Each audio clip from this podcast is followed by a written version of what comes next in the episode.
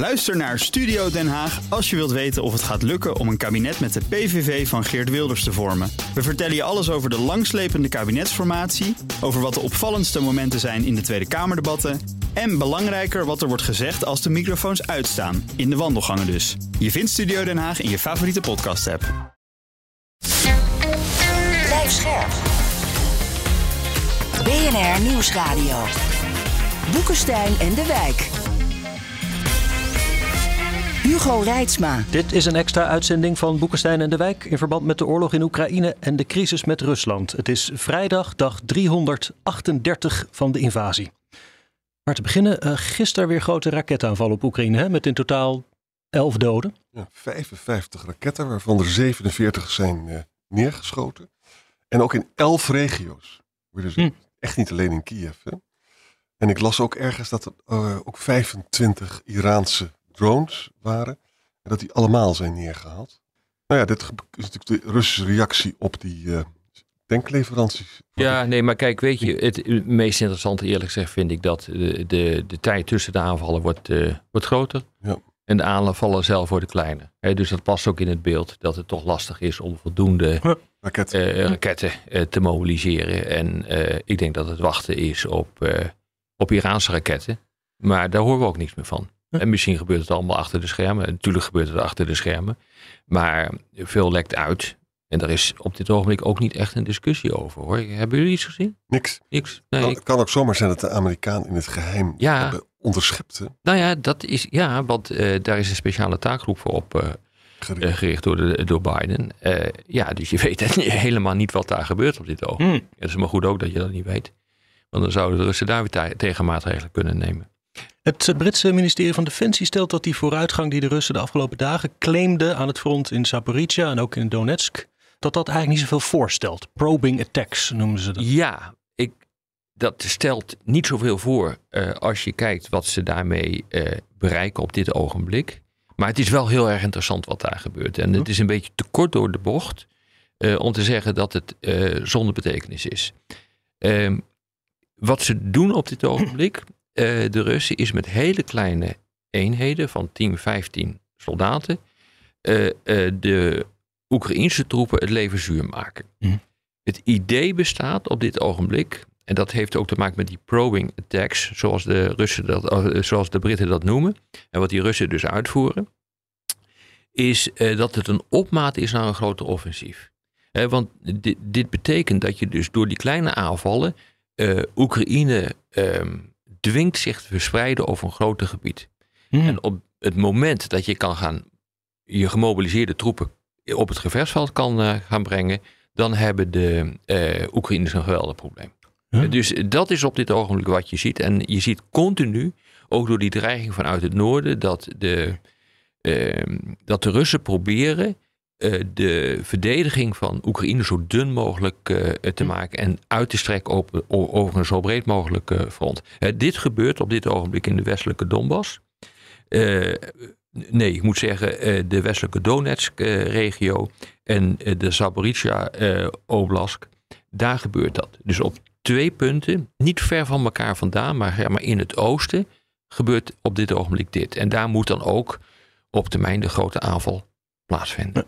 En tegen die tijd hoopt natuurlijk Oekraïne een heleboel tanks te hebben. De Leopards die komen, daar hebben we veel over besproken. Ik zag nog een onbevestigd bericht vanochtend dat uh, Polen naast die 14 Leopards nog 60 gemoderniseerde Poolse tanks wil leveren. Vraag is natuurlijk wanneer dat dan allemaal aankomt. Ja, dat is natuurlijk de grote vraag. En de grote vraag is het, hoe lang duurt het om uh, die, die militairen op te, op te leiden? Hmm. Nou, het, een tankcommandant dat schijnt, en tankbemanning dat schijnt vrij snel te kunnen, een paar weken probleem zit hem erin uh, de opleiding van het personeel dat je nodig hebt om dat spul te onderhouden. Ja. ongelooflijk complex. Dat wordt helemaal een ramp met die Amerikaanse uh, Abrams tanks. Dat is ook een belangrijke reden waarom de Amerikanen niet wil, wilden sturen. Je moet je hele logistiek moet je, uh, op orde hebben. Hoe meer verschillende soorten tanks, hoe meer vormen van logistiek je nodig hebt. Maar allemaal aparte brandstoffen, aparte onderdelen moeten naar het front toe gaan er wordt nu gezegd dat je dat in maximaal elf weken zou moeten kunnen redden. De vraag is echt of dat, of dat zo is. En dan moet je ook nog gaan oefenen. Hè? Want we hebben eerder dat, die term verbonden wapens laten uh, vallen. Uh, verbonden wapens betekent dus dat je alle, e, alle wapensystemen die je hebt, die plug je allemaal in een commandosysteem die gevoed wordt door inlichting. Dat kunnen satellieten zijn, dat kunnen mensen op de grond zijn, dat kan van alles zijn.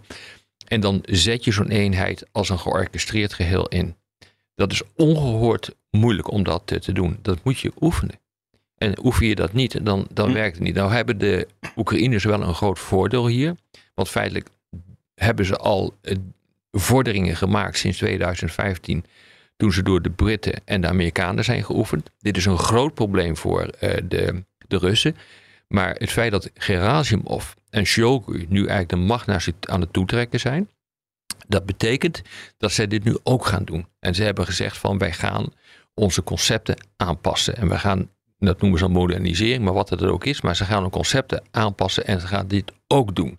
Het interessante is, daar passen warlords als uh, uh, maar ook Kadirov, de Tsjetsjen, die passen daar niet in. Want dat kunnen zijn, dat niet. Die, die kunnen dat niet, maar die staan eigenlijk gewoon in de weg. En het zou me niet verbazen op dit ogenblik uh, als die beide warlords, ik blijf ze maar zo noemen, mm. uh, feitelijk met hun eigen agenda nu gefaciliteerd worden door het Kremlin om te verliezen. Mm. Want het is natuurlijk gewoon niet in het voordeel van het Kremlin, dan wel het ministerie van Defensie, dat deze mannen nog mhm. machtiger worden. Mhm. Zeker niet als je naar een ander concept over wil stappen. Nou, dat is precies wat we op dit ogenblik zien. En je ziet dus ook dat die Prigozhin eigenlijk gewoon niet veel verder komt. Hij kan Bak, Bakmoed niet innemen. innemen. Eh, ook Kadirov eh, heeft wel een grote bek, maar er gebeurt relatief weinig. Dus het is wel echt interessant hoor, wat er nu op dit ogenblik gebeurt. Maar volgens mij zijn het echt de inleidende manoeuvres uh, voor een verdere mobilisatie en een verandering van het mm. concept. En dus september vorig jaar zijn er 300.000 man uh, gemobiliseerd. 150.000 zijn nog steeds niet ingezet. Er wordt nu gesproken. Er zijn continu signalen dat er weer een nieuwe mobilisatiegolf komt. Al heel lang signalen, maar, nou ja, maar dat niet meer dan ook signalen. Wel. Nou, dat is niet helemaal waar. Want bijvoorbeeld in de bezette gebieden zoals Krim worden al enige tijd worden lijsten uh, opgesteld van mensen die gemobiliseerd kunnen worden. Dus de voorbereidingen voor een nieuwe mobilisatiegolf, die zijn al lang getroffen. En dat zien we dus. Hm. Dus iemand moet nu op een fluitje blazen van kom maar. En dat fluitje, kijk, ze weten dat die tanks er aankomen. Dat duurt twee, drie, vier maanden. In het Amerikaanse geval misschien nog langer. Dat betekent dus dat er een ongelofelijke race tegen de klok gaande is. Hè? Ja. Dat de Russen dus ontzettend belang hebben. Ze moeten zo snel mogelijk. Alleen ze kunnen dat, die verbondenheid der wapens kunnen ze nog niet. Maar ze moeten eigenlijk versnellen. Want het is niet verstandig om af te wachten. Nee, daar zit echt een probleem in. Eigenlijk, de, de, grote vraag is of die, of die tanks nou op tijd komen. Ja. want ja, ze moeten hier naartoe worden uh, gebracht. Uh, nou, ga zo maar door. Uh, we zitten nu in, bijna in februari. Dus mm -hmm. februari, maart, april. Uh, er wordt gegokt dat mei, juni een groot offensief zou kunnen uh, plaatsvinden. Het heeft ook te maken met de weersomstandigheden. Het wordt wel krap, het zou kunnen. En dan vervolgens zie je de berichten dat in september mogelijkerwijs iets vanuit het noorden zou kunnen worden georganiseerd. Dat is dan wel flink verschoven trouwens. Het is allemaal enorm verschoven. Ja. In die eerste waarschuwingen eh, eind vorig jaar van Oekraïne hadden ze het over worst case. Zou het eind januari zelfs kunnen gebeuren. Anders wordt het misschien februari, maart. en nu heeft iedereen het over de zomer. Ja, klopt. Volgens mij heeft dat ook te maken met het feit dat het net zoals hier niet al te hard vriest. Ah. En dat je gewoon de, je verzandt in de prut. Je kan helemaal niet met, uh, met, met zwaar materieel manoeuvreoorlog uh, uitvoeren. Ik, dat is wat ik, wat ik concludeer als ik die berichten zie. En het heeft te maken met de mobilisatie. Dat is ook niet onbelangrijk. Stel dat je kan, kan, kan een beetje scenario's gaan maken nu. Hè, van deze tijds, nieuwe, nieuwe tijdslimieten kloppen denk ik wel. Dat betekent dus dat de, als, we, als de tanks dus te laat komen. Hè, dan wordt dus de druk voor F-16, waar we zo over gaan praten. Hmm. Die wordt enorm groot. Ja. ja, dat heeft ook te maken met hebben de Oekraïners voldoende mankracht. Ja. Want ze moeten dus nu terug gaan veroveren. Daarvoor wilden ze die tanks ook hebben. Ja. Maar je hebt een 3 staat tot 1 overwicht nodig. Volgens uh, het boekje. Mm. Ik, ik vraag me echt af of dat, uh, uh, of dat mogelijk is. Heel lokaal kan dat natuurlijk wel. Maar hier is Rusland natuurlijk enorm het voordeel. Laten we wel wezen. Kunnen zij nog meer mensen mobiliseren? Ja, die, die, die, die, die getallen die zijn niet bekend. Hm. Die houden de Oekraïners terecht hoor, vind ik, eh, angstvallig onder de pet. Eh, ja, natuurlijk kan altijd, als je 40 miljoen inwoners nog steeds over hebt in het land. En de mannen mogen het land niet eh, verlaten. Kan je altijd nog verder doormobiliseren. Dat kan. Je moet altijd nog wel ergens eh, 500.000 eh, vandaan kunt, kunnen halen. Maar voor Rusland, die 100 miljoen meer inwoners heeft, is dat natuurlijk veel gemakkelijker.